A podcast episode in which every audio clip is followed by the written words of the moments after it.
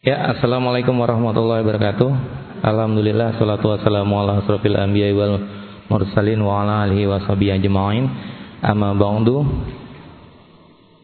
Mari pertama-tama kita panjatkan puja dan puji syukur kehadirat Allah Subhanahu wa taala karena atas rahmat atas segala limpahan rahmat, nikmat iman, nikmat Islam, nikmat sehat, nikmat sempat sehingga kita semua bisa berkumpul di sore hari ini seperti biasa di Masjid Zirzanah dalam acara Sasi Soma of Air. Kita ngobrol-ngobrol agama sana sini soal agama membicarakan agama dengan cara yang sederhana tapi mengena. Bersama gurunda kita Ustadz Munif Tauhid dan bersama saya Awan Narendra. Dan sebelumnya juga tak lupa mari kita panjatkan sholawat serta salam kita haturkan kepada Nabi besar Muhammad Sallallahu Alaihi Wasallam. Mudah-mudahan kita semua di sini nanti mendapatkan syafaat di yaumil akhir dan bisa berkumpul di surga jannah. Amin ya robbal alamin.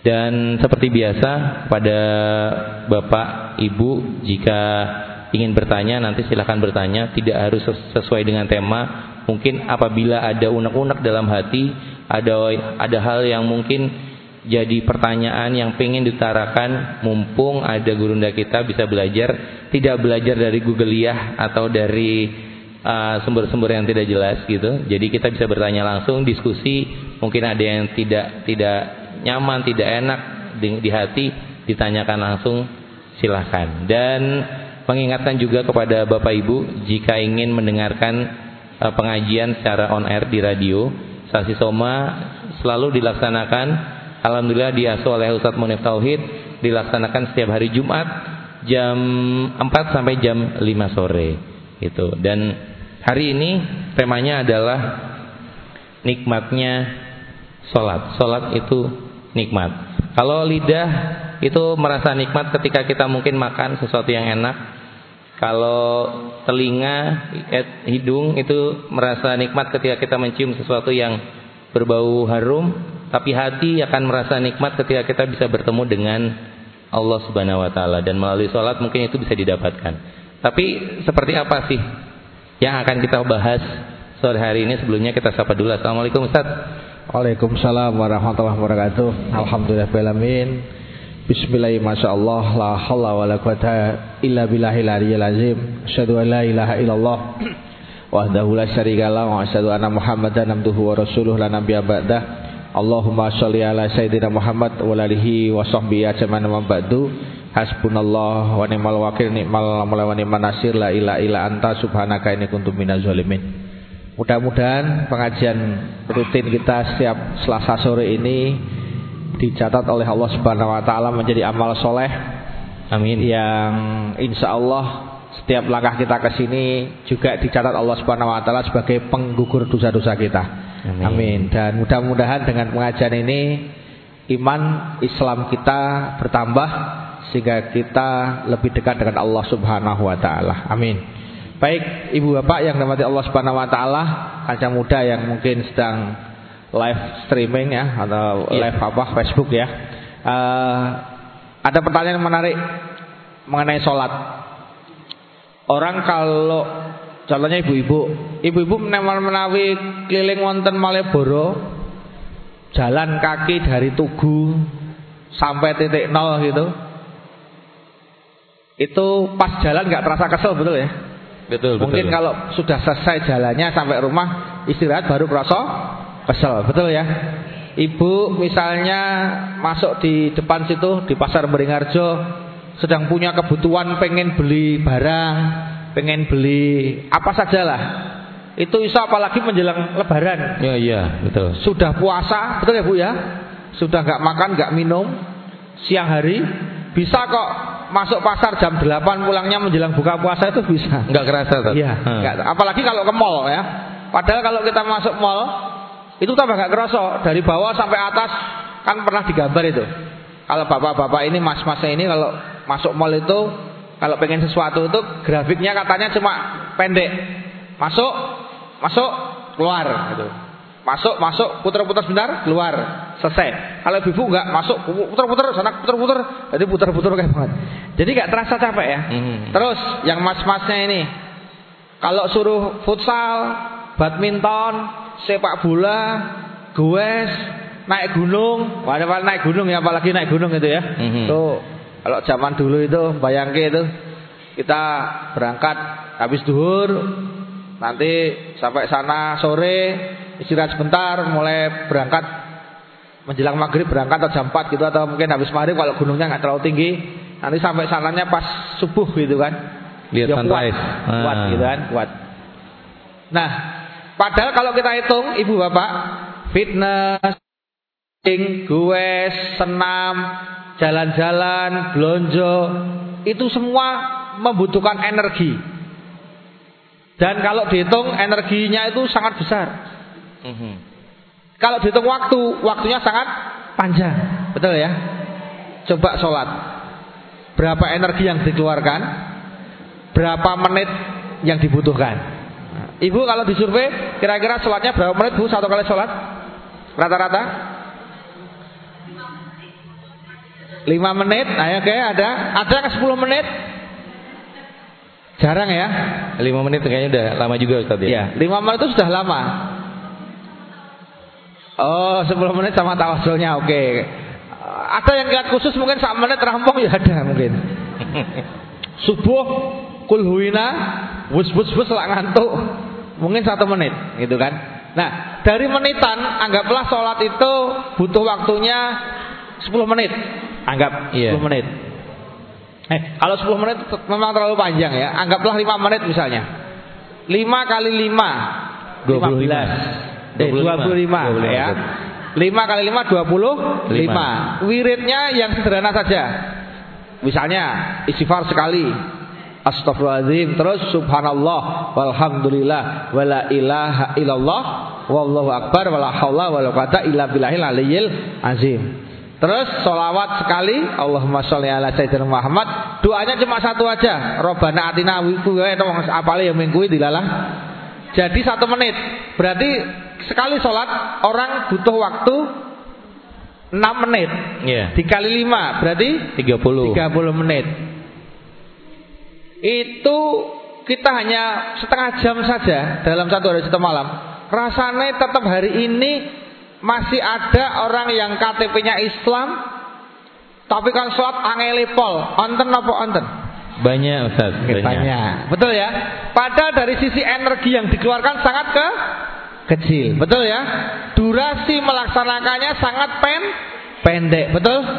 Nah, kalau sudah ini seperti ini, itu tidak lagi sholat itu menjadi olahraga boten. Itu betul-betul orang yang mau sholat adalah orang-orang pilihan yang mendapatkan hidayah dari Allah Subhanahu wa Ta'ala.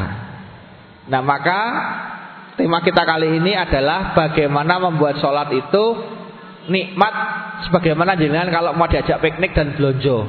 Bu, sesuk minggu ning mall tak cepai dit saoke-oke pilihan bebas. Kira-kira jenengan seneng atau senang? Seneng banget. Kadang-kadang jenengan nganti ngimpi ngimpi newe nganti ketinggalan bis barang gitu kan. Ora sida mangkat dan sebagainya. Ya padahal masih seminggu lagi. Oke ya. Jadi kendala orang ketika sholat itu kenapa kok ada orang yang merasa mohon maaf ya tidak nikmat bukan membuat ketagihan tidak fresh dan tidak macam-macam menjadi powerful bahagia tapi malah kadang-kadang seakan-akan menjadi be beban contoh yang sering kita dengar dari laki-laki mas pak misalnya sesok iso ketemu ora ngobrol penting iki ngobrol-ngobrol santai ya Kapan? Jumat. Jam piro? Awak atau enggak usah bilang. Kita bilang Jumat. Waduh, Jumat ngopo? Pendek. Waktunya Pendek. Padahal apakah hari Jumat waktunya jadi 23 jam kan enggak? Tetap 24 jam betul? Iya, betul. Ya. Kenapa ada istilah harinya hari pendek? Itu kan seakan-akan Jumatan menjadi beban. Tahu nggak akibat Jumat itu dikatakan pendek? Kemurungsung, kesusu, rasanya ra enak. Padahal Jumat itu muncul banyak barokah. Yang sedekah hari Jumat dilipat gandakan, yang Jumatannya tidak telah tepat waktu dengan rukun dan sunnahnya komplit dilakukan, itu pahalanya menghapus dosa sejumat yang lalu. Orang keren. Makanya orang dibuat dari Jumat itu nek iso mecucu, mangkel, kesel, tumpuk-tumpukan. Bahkan yang paling parah Jumat dijadikan oleh beberapa instansi oknum instansi sebagai hari olahraga. Jadi malah orang hari persiapan Jumatan. Ini, ya mohon maaf bukan olahraga gak penting. Tapi begitu mengambilnya hari Jumat, praktis pagi hari olahraga, wes Jumatane isinya meng yo ngantuk, Nah ini, karena kan orang capek di pagi harinya misalnya. Nah jadi alangkah lebih baiknya sebetulnya Jumat itu malah untuk bersih-bersih musola, bersih-bersih masjid gitu kan. Itu malah yang digunakan untuk Jumatan itu kan insya Allah bermanfaat. Oke, kita langsung masuk Mas Awan. Yeah. Bagaimana agar sholat itu menjadi nikmat? Maka rumusnya adalah durasi sholat harus ditambah jamnya. Begini Bapak Ibu. Orang yang namanya sholat itu kalau kita tanya dengan jujur. Terutama di awal-awal dulu waktu kita kecil. Sholatku isinya memang koyo paksaan dan beban. Betul atau betul? Iya. Iya kan? Karena ayo sholat, betul? Kita merasakan kenapa terjadi? Karena kita sejak kecil waktu itu tidak langsung dikenalkan dengan sholat. Tidak langsung diajari sholat. Jadi kita itu semacam dipaksakan sholat, sih, tapi nggak pernah ada prolognya. Coba beda dengan anak-anak zaman now. Anak-anak kecil sekarang itu ternyata sejak kecil sudah dikondisikan untuk sholat. Makanya tanpa diminta mereka malah jenengan sudah rasanya kalau nggak bangun bangun sendiri kadang-kadang. Betul atau betul? Iya. Itu.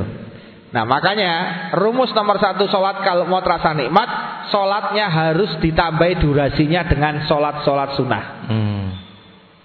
Berarti kalau kita sholatnya hanya sholat standar wajib tok Maka mohon maaf sulit untuk merasakan nikmatnya sholat. Karena kita hanya baru melaksanakan kewajibannya belum yang sunnah. Padahal kita baru akan merasa nikmat sholat kalau kita sudah masuk ke yang sunnah. Nah itu. Nah, jadi kalau kita mau sholat rasa nikmat, coba duhanya dipolke 12 rakaat. Tahajudnya dipolke berapa? 11 rakaat. Rawatibnya ditambah. Terus ketika kita ada sedikit merasa berdosa, sholat tobat dua rakaat gitu. Nah, jadi kita terus kita misalnya pergi ya begitu kita pulang sampai rumah sholat dua rakaat itu sholat setelah safar juga ada. Hmm. ada ada hadisnya. Terus nggak hujan-hujan istisqa. Kita milih istikharah Istikharah. milih itu nggak mesti jodoh. Kalau seperti jenengan gini serana istikharah nek kok jodoh bisa terus Jalan. Jenengan, Ngapa Bu kok salate rada kusuk saiki? Heeh, Pak aku istiqoroh. Loh, istiqoroh. Milih aku kok istiqoroh meneh iki piye? Padahal istiqoroh itu enggak harus dengan masalah perjodohan. Jodohan. Kerjaan bisa. Kemudian pilihan terhadap beberapa hal lain bisa. Termasuk kita itu diberikan dua pilihan yang baik, tapi kita bingung. Itu memang kadang-kadang terjadi dan sering. Apalagi kalau ibu-ibu mau mantu besok. Sing lanang loro-loro nglamar bareng. Siji suguhe pol neng agamane biasa, siji agamane luar biasa neng kirene pol. Jenengan susah ta itu. Nek aku golek sing kere agamane apik, nek golek sing sugih agamane kurang apik. Eh, bingung ta itu? Nah, jenengan jangan jangan gaya istiqoroh mawon. Dan istiqoroh itu baru berfungsi kalau tidak sekali Mas Awan. Orang sering bilang, "Saya belum dapat petunjuk ya Ustaz." Berapa kali istiqoroh? Tiga kali ya belum. Harusnya agak lama nanti dapat petunjuk. Petunjuk itu bisa lewat mimpi, bisa lewat perilaku atau kejadian langsung. Contoh, tahu-tahu jenengan mendapati salah satu calon dari anaknya yang mau maju melamar itu ternyata mabuk atau mungkin sedang berduaan dengan perempuan lain. Jenengan tahu langsung bahasanya OTT gitu kan. Wah, OTT, wah ngerti langsung.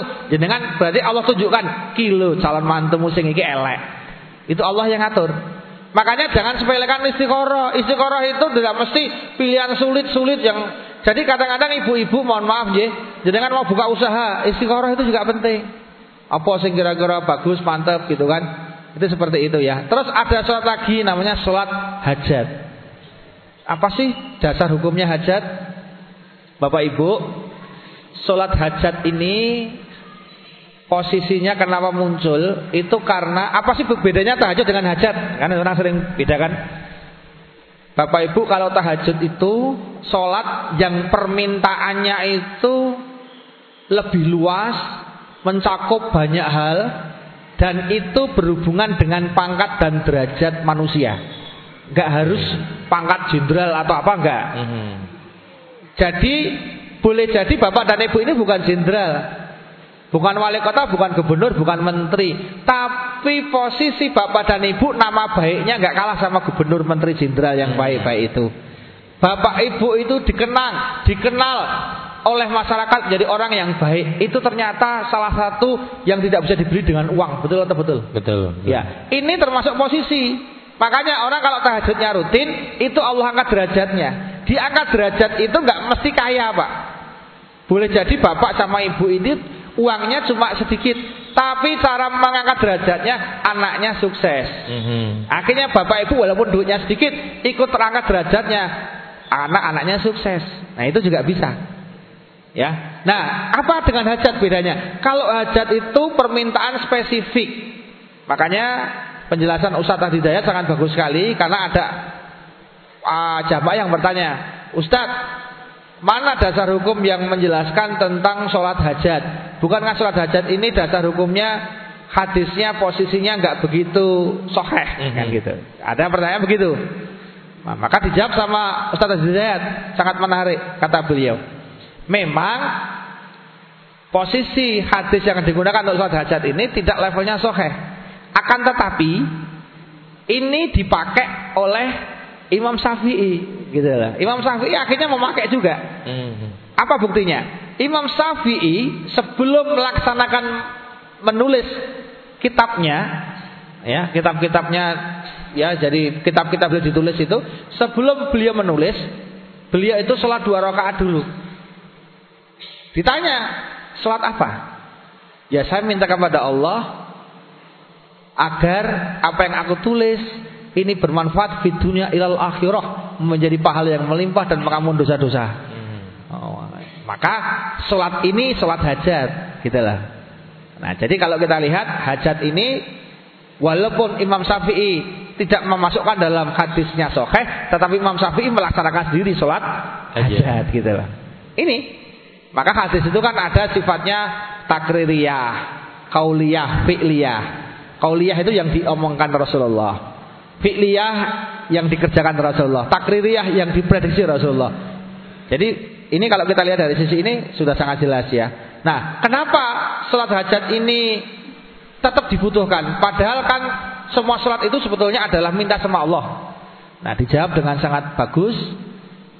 Jadi kalau kita sholat subuh Subuh itu adalah menjawab persoalan.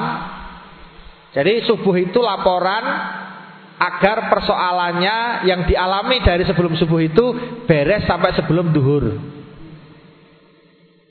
Begitu di salat duhur agar persoalannya dari setelah subuh sampai duhur beres dan persoalan yang dari duhur sampai asar itu beres. beres. Jadi intinya setiap waktu sholat itu memberesi masalah-masalah dalam hari itu. Tapi ada kalanya masalah itu muncul mendadak padahal jam sholatnya belum muncul. Mm -hmm. Tapi setelah kesusu pengen diselesaikan, maka muncullah sholat hajat. hajat. Contoh, kita kan kalau sholat kan doanya standar tuh. Mm -hmm. Ya Allah, minta kekayaan mungkin begitu, kesehatan, nomor panjang barokah, keluarga sakinah begitu-begitu kan. Mendadak di tengah setelah sholat Ruatibnya sudah, sholat selanjutnya belum muncul. Di tengah jalan tiba-tiba anaknya telepon, ibu, anu ibu, iki aku ternyata baru aja aku ditelepon untuk maju wawancara. Ini aku sudah dipanggil dan sekarang sudah di depan ruangannya Pak Kepala. Ini habis ini aku maju bu, mungkin sekitar 10 menit lagi aku maju, maka aku minta doa restu bu. Berarti tinggal 10 menit lagi padahal jamnya jam 9 teleponnya. Mm Duhanya sudah. Mm Waduh, piye iki? Padahal nek ndonga tanpa sholat rasanya kok garing. Betul nggak? Jenengan doa tanpa sholat rasanya garing. Beda kalau jenengan sholat dulu baru doa. Makanya muncullah sholat hajat. Yo yo no, yo le tak dongake. Ramong tutup ngambil wudhu, sholat dua rakaat, sholat hajat, doa. Beda hasilnya. Ini kayak gini nih. Hmm. Ibu-ibu tahu-tahu di tengah jalan. Ya naudzubillah min dalik tidak mengharapkan ada seorang ibu-ibu sudah percaya sama suaminya tengah jalan kok tahu-tahu melihat sekilas kok katanya kayak bojoku karo cah wedok liya. Tak telepon kok orang angkat, kok mati. Wah, jojo deh, bingung arep piye. Padahal salatnya sik engko, salat hajat ya Allah. Kalau memang dia suamiku ya Allah jabut aja Oh jangan gitu kan Maksudnya kalau dia suamiku ya Allah Jangan sampai dia seperti itu ya Allah Wah, sadarkan dia Kalau dia bukan suamiku Alhamdulillah ya Allah gitu Jadi boleh Karena apa? Itu menunjukkan Semakin kita banyak sholat Berarti kita semakin sering komunikasi dengan Allah subhanahu wa ta'ala Begini rumusnya Saya jarang kontak Mas Awan nggak pernah ketemu, nggak pernah telepon, nggak pernah whatsapp Pokoknya jarang ketemu beliau Begitu saya ketemu saya minta ditraktir makan atau saya minta pinjam uang itu mesti dia curiga. Iku ora tahu ketemu, ketemu pisan utang. Betul kan? Tapi kalau udah saya sangat sering ketemu beliau setiap seminggu ketemu tiga empat kali, telepon juga sering, gitu kan? Saya nggak usah ngomong kadang-kadang ditanya, kenapa tak kok pegang-pegang dompet? Kurang. iya maksudnya pakai ini dulu aja nanti gampang. Saya belum minta sudah dikasih. Itu akibat saya dekat dengan manusia aja gitu. Apalagi dekat dengan Allah Subhanahu taala gitu loh. Nah, cara dekat yang paling efektif, efisien dan direkomendasikan itu hanya sholat yang lain boten. Makanya kalau ada aliran kejawen, "Mbah, boten sholat." Aku ki wis madhep ngetan sedekap ki wis sholat. Mbah mboten salat, salat kuwi iki kan sing penting nek wong salat iki kan kudu dadi apik. Lah kuwi wis apik sih. Ngono wis angel. Itu hidayah wis susah memang. Itu sudah hidayah. Makanya kalau nemui orang seperti itu tidak ada lain caranya harus dimintakan sama Allah. Ada ritual khusus, diwacake Yasin, diwacake Waqiah, dikatame Quran, dijaluke donga wong berangkat umrah, berangkat kaji, dimintakan jam-jam dimasukkan dalam minumannya. Suruh minum, terus didoakan agar Allah memberikan cahaya nur hidayah kepada dia. Itulah bahayanya keyakinan. Ini Bapak Ibu, makanya saya pengen nulis dan pengen membahas hari ini itu kenapa? Karena ternyata kekayaan tidak cukup membuat orang menjadi tentram hidupnya. Lalu apa boten? Betul, betul. Ternyata orang yang populer, terkenal di mana-mana belum tentu membuat dia bahagia. Betul apa betul? Iya. Yang paling terbaru artis K-pop. Ya, bunuh diri tetap. Ya, namanya siapa? Guru Hara, apa siapa aku jenenge? Guhara, Guhara jenenge. Perempuan cantik Korea, artis Korea meninggal dunia. Ya, ada selenting-selenting katanya entah bunuh diri, entah overdosis, entah apa. Yang sebelumnya siapa juga begitu. Padahal yang paling mengerikan kan ada namanya vokalisnya Linkin Park itu kalau ini Bapak Ibu mungkin nggak tahu ya, ini kan zaman now ini itu vokalisnya Linkin Park namanya siapa? Namanya Chester Bennington. Hmm. Itu kan sudah terkenal uangnya banyak, kaya raya, sekali konser menghadirkan mereka itu bisa satu miliar sekali konser itu. Tapi ternyata meninggal dunianya gantung itu gimana? Padahal sebelum gantung itu dia konser terbagus, termegah, pastor keliling itu. Dan konsernya itu wah, menghadirinya ribuan orang mengeluh-elukan wah ternyata terima gantung. Berarti itulah kalau orang nggak punya iman. Makanya kan ada tulisannya di lagunya Raihan itu kan iman adalah mutiara yang dia tidak dijual belikan karena nggak ada yang menjual. Makanya kalau Bapak Ibu punya iman, punya hidayah itu disyukuri alhamdulillah. Oke ya. Jadi nomor satu kalau kita sholatnya mau menjadi nikmat harus wajib ditambah dengan porsi durasinya yaitu dengan sholat-sholat sun sunnah. sunnah. Satu itu. Yang kedua. Yang kedua. Kalau pengen sholat terasa nikmat maka persiapan sholat harus maksimal. Berarti panjenengan lihat Bapak Ibu kalau panjenengan itu lihat yang namanya pembalap motor GP atau Formula 1 mereka ketika mau membalap kira-kira pakai pakaian enggak? Komplit Ustaz. Pakai ya? Komplit. pakaiannya yang digunakan untuk membalap bagus nggak?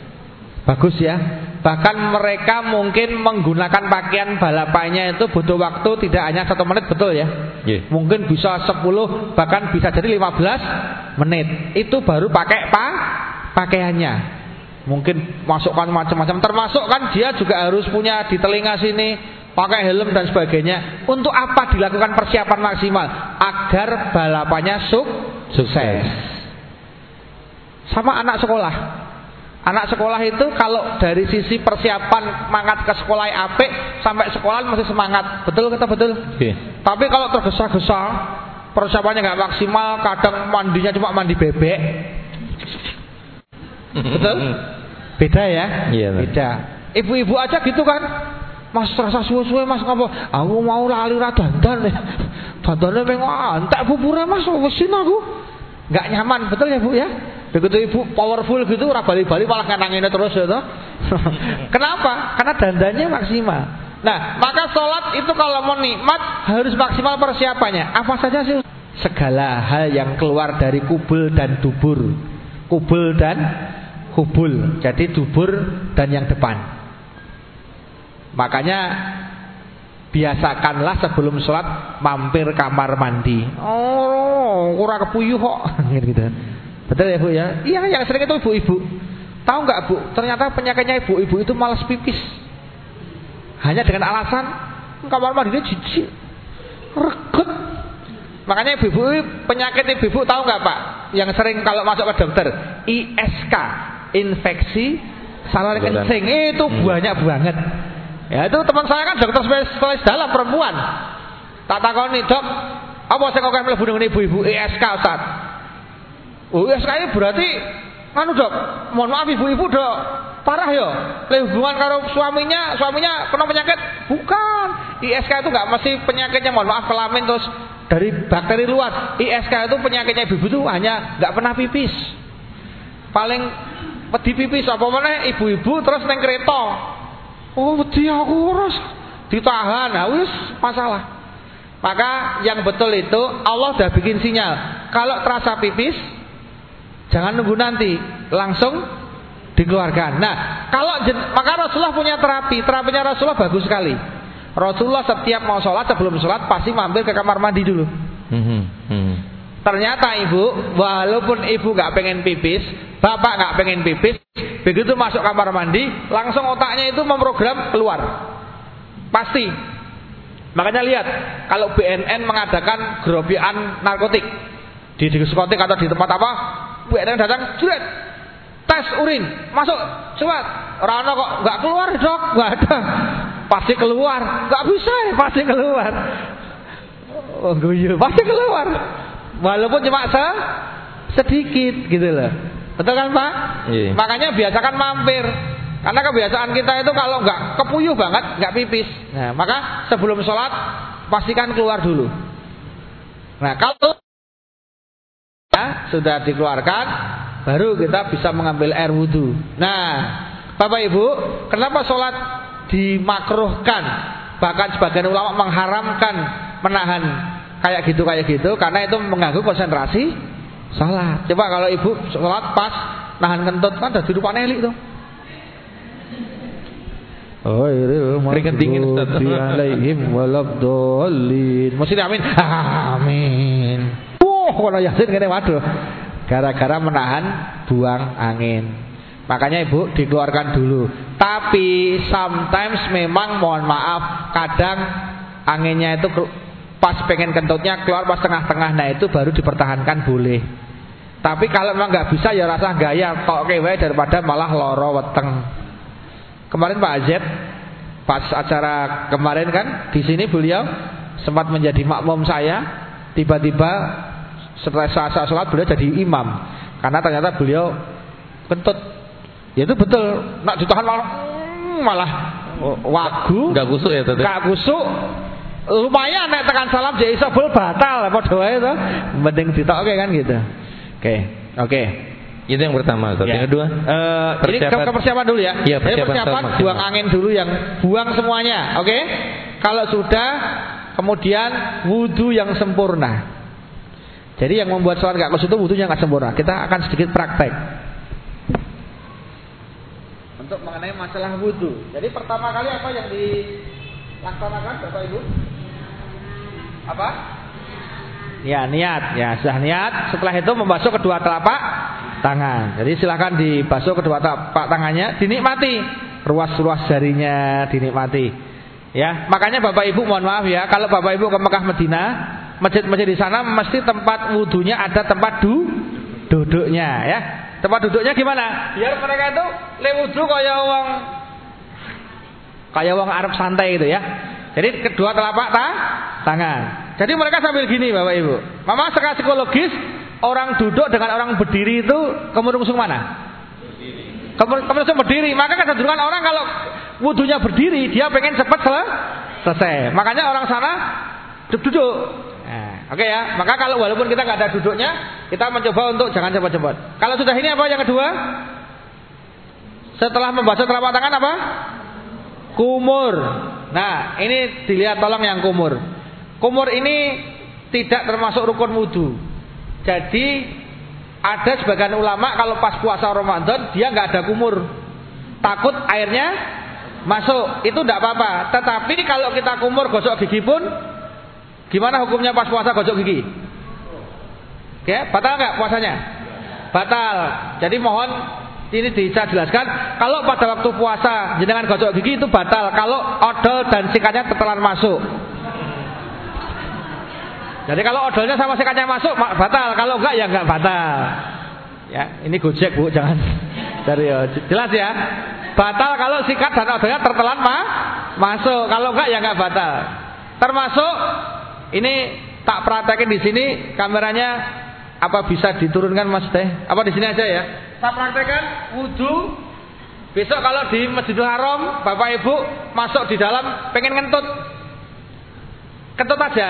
Nah, kita pakai air, airnya mungkin uh, airnya cuma dikit sudah cukup. Ini tak praktekin ya. Ini dengan dasar hukum yang ini boleh nggak kumur. Maka Akuanya, oh Pak ini nyebut merek gak boleh ya. Airnya, Bapak Ibu pakai air air air jam-jam itu boleh dimasukkan di sini, terus digunakan diusap ini sudah cukup mengasap dua. Jadi kita pakai dasar hukum yang satu kali. Karena wudhu itu boleh satu, tiga, lima atau tujuh. Yang penting kan, cuma kita sering pakai yang tiga. Kita pakai satu ya boleh. Nah, satu ini kita pakai kalau pas kita di dalam masjid, Masjid Nabawi maupun Masjidil Haram yang kalau untuk wudhu lagi sangat jauh. Makanya kita di dalam posisinya sambil duduk bisa, Bu. Satu aja diserot kayak di sini. Nah, oke okay ya. Ini kalau sudah, kemudian lagi dituang dikit aja, terus apa? Gak usah pakai kemur karena kumurnya ini tidak wajib. Maka langsung membasuh muka sekali aja, sudah cukup. Yo, sekali itu maksudnya sekali pakai airnya. Jadi begini diusapkan yang penting rata sampai jenggot-jenggotnya kalau dia pakai jenggot. Oke, yang kedua, serat sedikit langsung dibasuhkan ke tangan sekali saja. Serat satu lagi, basuh tangan dua kali. Itu nanti nggak sampai nggak sampai alah cuma sedikit sekali airnya. Setelah itu apa? Atas ya, agak banyak dikit, masukkan sekali, diputar, sudah cukup. Terus kaki, ya udah kakinya kiri serat sekali aja. Serat sekali, sudah cukup. Apa? Hidungnya kan pas sekalian begini. Nah, ini untuk hidung. Nah, ini sekalian tak terangkan ya. Tak terangkan untuk hidung. Khusus untuk hidung Bapak Ibu, untuk hidung itu sunahnya nyedot. Tapi ini tidak wajib. Sunahnya itu gitu. Tapi kalau jenengan nggak biasa jangan nanti malah semaput repot. Tapi tidak wajib, paham ya? Kenapa itu di segini kan? Agar kotoran yang ada di apa namanya hidung itu bisa keluar. Tapi kalau yang nggak terbiasa jangan. Saya termasuk orang nggak biasa. Makanya kita usahakan paling tidak ya dibasuhnya agak agak banyak. Maka ada orang yang wudhu sampai mohon maaf kanan kirinya basah, nggak apa-apa. Hmm. Kenapa? Ya saking mantepnya. Itu kan nggak masalah. Itu ya. Jadi wudhu tadi saya perhatikan yang penting dinikmati. Maka mulai dari kecil-kecil Bapak Ibu. Ya, dinikmati. Seret, seret, seret. Dinikmati. Ya, masuk lagi. Ya, masuk lagi. Ya, yang sini dinikmati, seret. Kayak jenengan tetap apa gitu ya? Ini bapaknya mobil ya. Pelan-pelan. Dinikmati bu dinikmati. Yang sini juga sama ini yang kepala ibu-ibu tolong hati-hati banyak ibu-ibu kepala cuma perwakilan. Tak boleh ya. Ambil masukkan sama bu putar di telinganya. Gitu kan? Masukkan telinganya gitu kan? Itu seperti itu ya. Nggak perlu satu dulu semuanya gitu ya enggak Ya, masukkan. Oke ya. Kalau kemudian nih yang sering jadi masalah di kaki.